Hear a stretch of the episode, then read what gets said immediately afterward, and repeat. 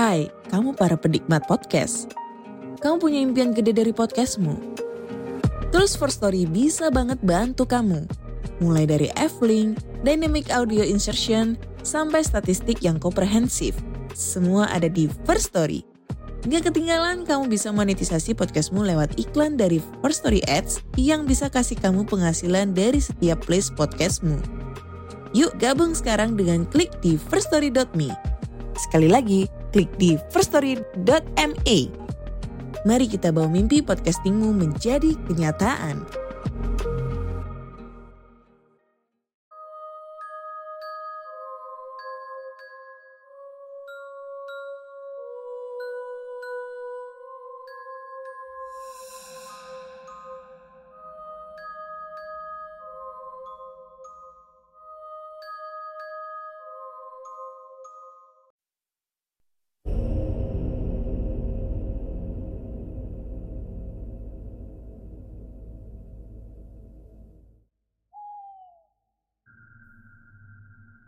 Assalamualaikum warahmatullahi wabarakatuh. Halo semuanya Jumpa lagi dengan saya Chow Sing Sing Kurator dari Podcast Horror Night Story. Halo apa kabar semuanya? Semoga kalian semua sehat-sehat ya. Dan seperti biasanya pada hari ini Saya kembali dan akan menghadirkan sebuah kisah mistis untuk kalian semua Kisah mistis kali ini saya datangkan dari treat horornya Mas Bri Story Yang menceritakan tentang panti asuhan.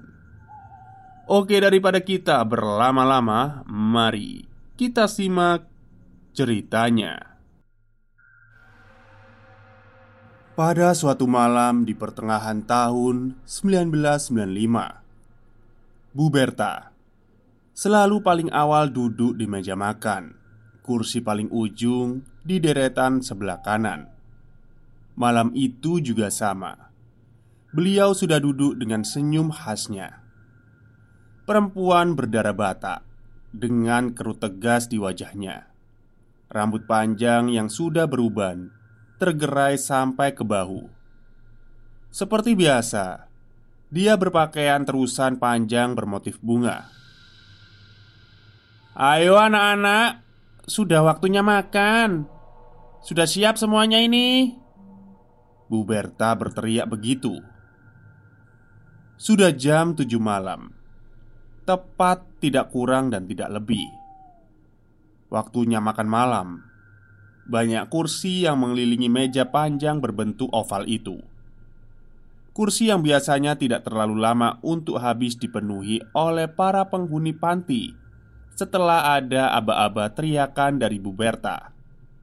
Dan benar, setelah itu para penghuni langsung meninggalkan semua kegiatannya yang rata-rata sedang belajar dan mengaji, bergegas menuju meja makan. "Yuk, udahan dulu. Udah waktunya makan nih." Yani bilang gitu ke Adi yang sedang duduk di hadapannya sambil memegang buku. Ayo kak. Jawab Adi sumringah Wajahnya menyiratkan kalau dia sejak tadi memang sudah menunggu jam makan malam. Yani memang sedang membantu Adi belajar. Adik pantinya. Belajar bahasa Inggris pada malam itu. Setelah membereskan buku-buku yang baru digunakan Keduanya bergandengan tangan berjalan menuju meja makan yang letaknya hampir paling belakang gedung panti asuhan ini. Dalam satu atau dua menit saja, kursi-kursi sudah dipenuhi oleh anak-anak penghuni dan beberapa penghuni lainnya. Hidangan makan malam sudah tersedia di atas piring di hadapan, dengan porsi yang sedikit berbeda-beda untuk masing-masing anak, tapi dengan menu yang sama. Sudah kumpul semua ya? Bu Berta bertanya setelah menghitung jumlah anak yang sudah duduk di sekeliling meja makan. Ridwan, ayo pimpin doa. Lanjut Bu Berta. Ridwan lalu memimpin doa sebelum makan. Amin. Doa selesai. Setelah itu, Mereka semua melahap hidangan yang ada di atas meja Bersemangat sekali Panti asuhan ini memiliki 20 anak dengan rentang umur antara 8 sampai 18 tahun. Yang paling muda adalah Adi. Sedangkan yang paling besar adalah Ridwan Yang sebentar lagi akan lulus sekolah menengah atas Jumlah penghuni panti kadang berubah Terbilang sering malah perubahannya Dengan berbagai macam alasan dan kondisinya masing-masing yang pasti kali ini ada 20 anak Ditambah tiga anak Maksudnya tiga orang pengurus tetap. Masing-masing anak bersekolah di sekolah umum sesuai dengan usia dan tingkatan sekolah. Tapi dalam hal pendidikan Semuanya terjamin dengan baik. Yani Sekarang usianya 15 tahun Kelas 3 SMP Yani tinggal di panti asuhan ini sejak bayi. Sudah termasuk penghuni senior. Kegiatan makan malam ini termasuk kegiatan yang rutin dilakukan setiap harinya. Anak-anak wajib makan bersama. Di meja makan besar ini semuanya berkumpul makan sambil berbincang ringan Tentang apa saja.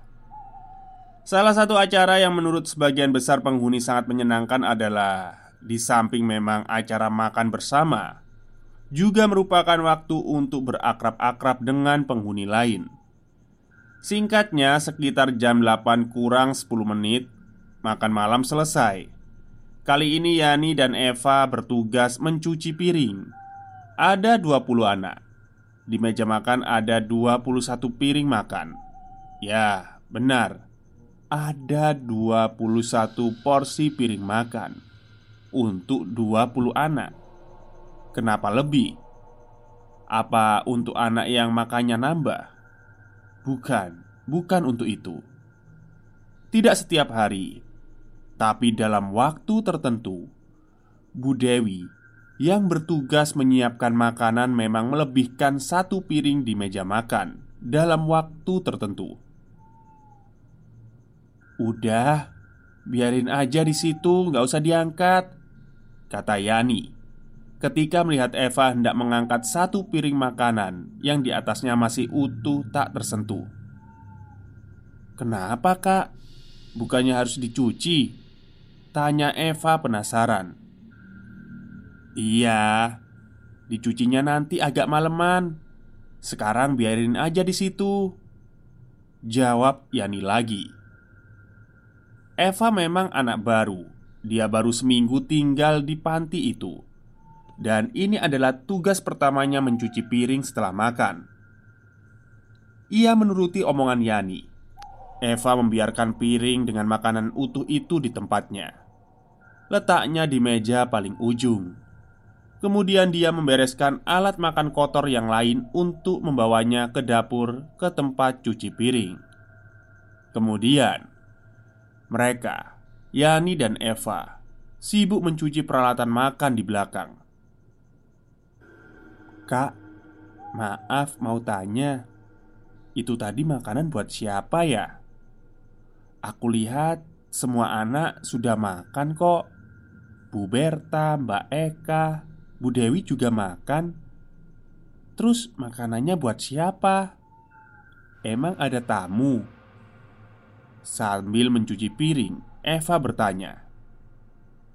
Masih penasaran dia dengan piring dengan makanan utuh tadi.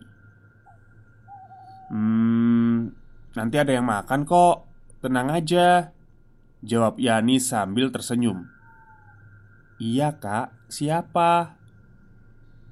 Ya penghuni sini juga sih Nanti kamu tahu kok Lagi-lagi Yani menjawab sambil tersenyum Oh Penghuni sini juga ya? Emang datangnya malam?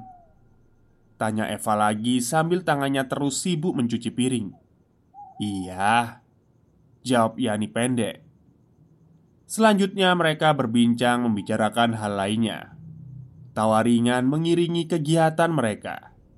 Sekitar jam setengah sembilan Mereka selesai Kemudian melangkah berjalan meninggalkan dapur Hendak menuju ruang depan di mana biasanya masih banyak anak yang berkumpul sebelum masuk ke kamar masing-masing. Dari dapur, mereka melewati dulu ruang makan. Di sana, meja makan sudah rapi dan bersih. Tidak ada lagi piring dan peralatan makan lainnya, tapi di sudut meja paling ujung masih ada piring yang tadi. Piring yang di atasnya masih lengkap dengan nasi dan lauk pauknya ditambah dengan segelas air putih yang masih utuh juga. "Udah, biarin aja, Fa." Ucap Yani yang melihat Eva masih terus memperhatikan piring itu. Sesampainya di ruang tengah, Yani dan Eva masih melihat beberapa anak yang berkumpul berbincang sambil menonton televisi atau sekedar santai. Ada juga yang sedang membaca buku atau belajar pelajaran sekolah. Yani dan Eva ikut bergabung. Terlihat juga Bu Berta dan Mbak Eka mendampingi mereka semua. "Gimana sekolah kamu, Fah?" Tanya Bu Berta ketika melihat Eva sudah duduk di dekatnya. Selain memang penghuni baru, Eva juga baru bersekolah di SMP tempat anak panti lainnya yang seusia bersekolah. "Hmm, iya bu, lancar kok," Aku seneng, semuanya baik," jawab Eva. Kemudian, percakapan berlanjut membahas hal lainnya. Sementara Yani kembali mendampingi Adi yang sedang asyik membaca buku. Kegiatan santai ini juga selalu dilakukan setelah selesai makan malam. Biasanya, ketika sudah jam 9, satu persatu anak masuk ke kamarnya masing-masing dan bersiap untuk tidur. Panti asuhan ini memiliki bangunan utama yang cukup besar, bertingkat dua pula. Bangunan yang usianya terbilang tua dan sudah berdiri sejak tahun 70-an. Di dalamnya ada sembilan kamar tidur, empat kamar di lantai bawah, sisanya di atas. Setiap kamar diisi oleh dua atau tiga anak. Panti ini juga memiliki empat kamar mandi Dua di lantai atas dan dua di lantai bawah. Di luar Panti memiliki halaman yang luas Yang dipenuhi dengan pepohonan rindang dan asri. Pokoknya sangat nyaman bagi para penghuninya Eh, udah jam 9 nih. Yuk, masuk ke kamar. Bu Berta bilang begitu ketika memang jarum pendek jam dinding sudah menunjukkan angka 9 Perlahan, setiap anak mulai membereskan buku-buku yang dibaca kemudian bersiap untuk tidur. Anak-anak perempuan kamarnya di lantai atas, termasuk Yani dan Eva. Sedangkan anak laki-laki di kamar bawah, termasuk Adi Dekat dengan kamar Bu Berta dan Mbak Eka. Beda dengan Bu Dewi. Kalau udah selesai acara makan malam Beliau akan pulang ke rumahnya sendiri Tidak menginap di panti. Termasuk Bu Berta dan Mbak Eka. Semuanya akhirnya pergi ke kamar masing-masing Meninggalkan ruang tengah yang jadi kosong sekarang Yani dan Eva kemudian berjalan menuju kamarnya di lantai atas Tangga menuju lantai atas letaknya di ruang makan Nah, Ketika sudah mau naik tangga di ruang makan ini, Eva masih saja memperhatikan piring tadi.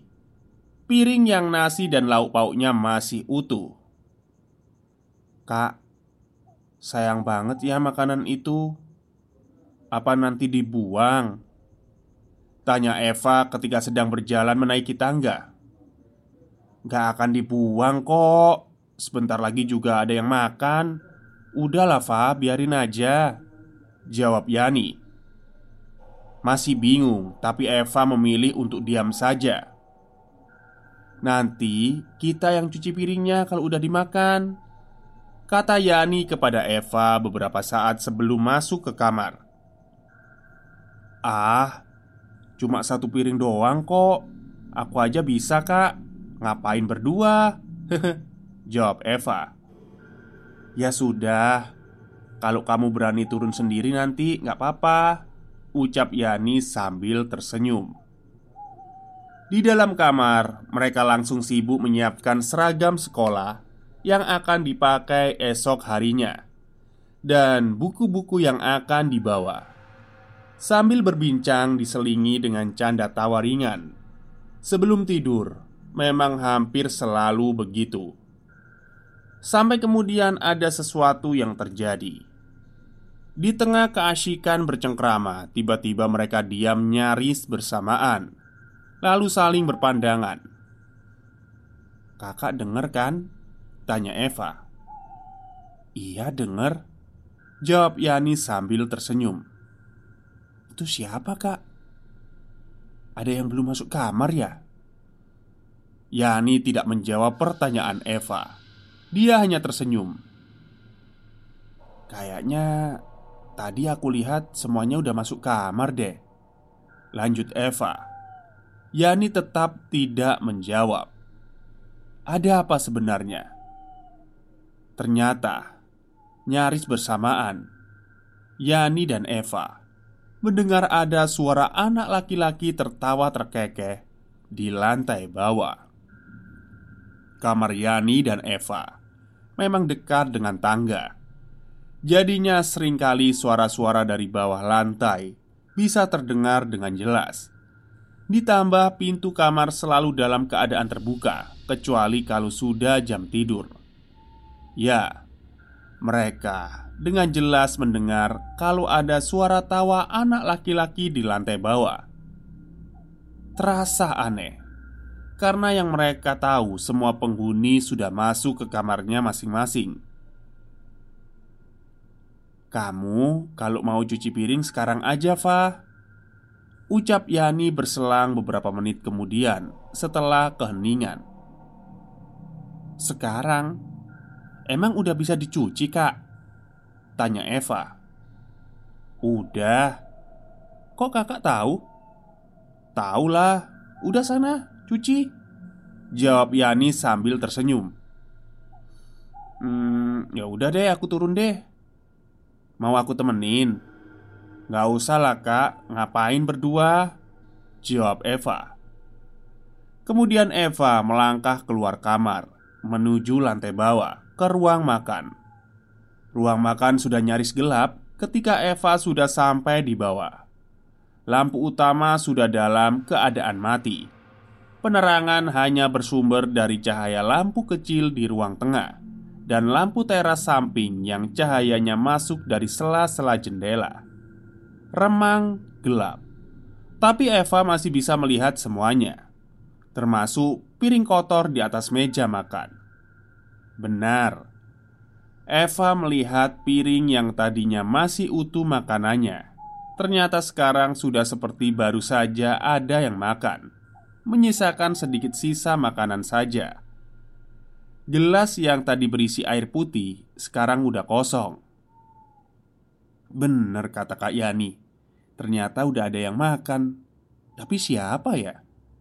Eva bertanya-tanya dalam hati. Atau anak yang tadi ketawa ya waktu makan? Lagi-lagi Eva bertanya sendiri. Walau masih bingung, Eva tetap membereskan piring dan gelas itu, membawanya ke dapur untuk segera dicuci. Hanya satu piring gelas dan sendok garpu saja Tidak akan lama Eva mencucinya Harusnya seperti itu Tapi tiba-tiba Eva harus menghentikan mencuci Ketika sekali lagi dia mendengar suara tawa. Suara yang persis sama dengan yang terdengar ketika masih berada di lantai atas tadi. Kali ini suaranya tentu saja terdengar jadi lebih jelas. Karena sepertinya bersumber dari ruang makan yang letaknya dekat dengan dapur.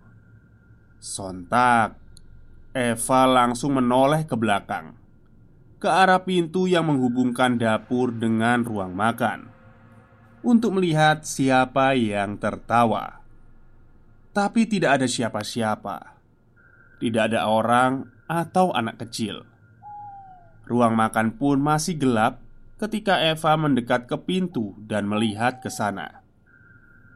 Kemudian, dengan kebingungan yang masih ada, Eva memutuskan untuk lanjut mencuci. Tidak lama kemudian, suara tawa anak kecil itu terdengar lagi.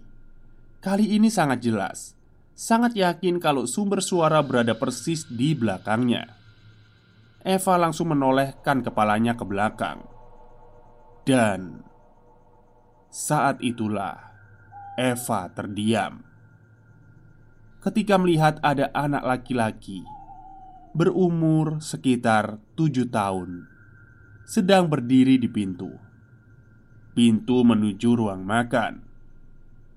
Anak laki-laki itu berdiri diam sambil tersenyum. Eva pun membalas senyumnya. Eva sendiri tidak mengenal anak ini. Selama seminggu tinggal di panti, Eva sama sekali belum pernah melihatnya. "Hai adik kecil, kamu baru makan ya tadi?" Tanya Eva sambil tersenyum. Anak laki-laki itu mengangguk, kemudian tertawa. Suaranya persis dengan suara tawa yang Eva dengar sebelumnya. Kemudian anak itu berlari dalam gelap menuju ruang tengah. Eva kemudian mengejarnya karena penasaran dia ingin tahu hendak ke mana anak itu menuju. Tapi sesampainya di ruang tengah, Eva tidak melihat lagi keberadaan anak itu. Tidak terdengar juga ada suara pintu tertutup. Seandainya dia masuk ke salah satu kamar, anak itu seperti hilang begitu saja. Ke mana dia?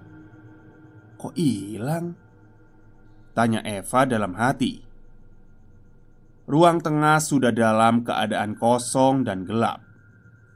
Seketika Eva merinding.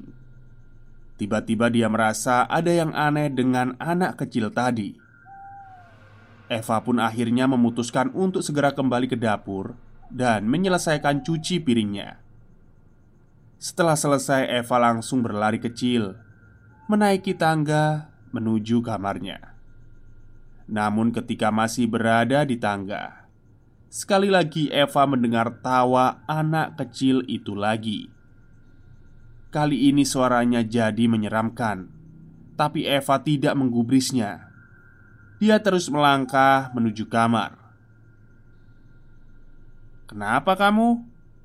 Tanya Yani ketika melihat Eva terengah-engah sesampainya di kamar Eh, uh, besok aja kak ceritanya Capek, ngantuk Jawab Eva Yani yang tahu Hanya diam saja dan tersenyum Yani dan Eva Bersekolah di SMP yang sama.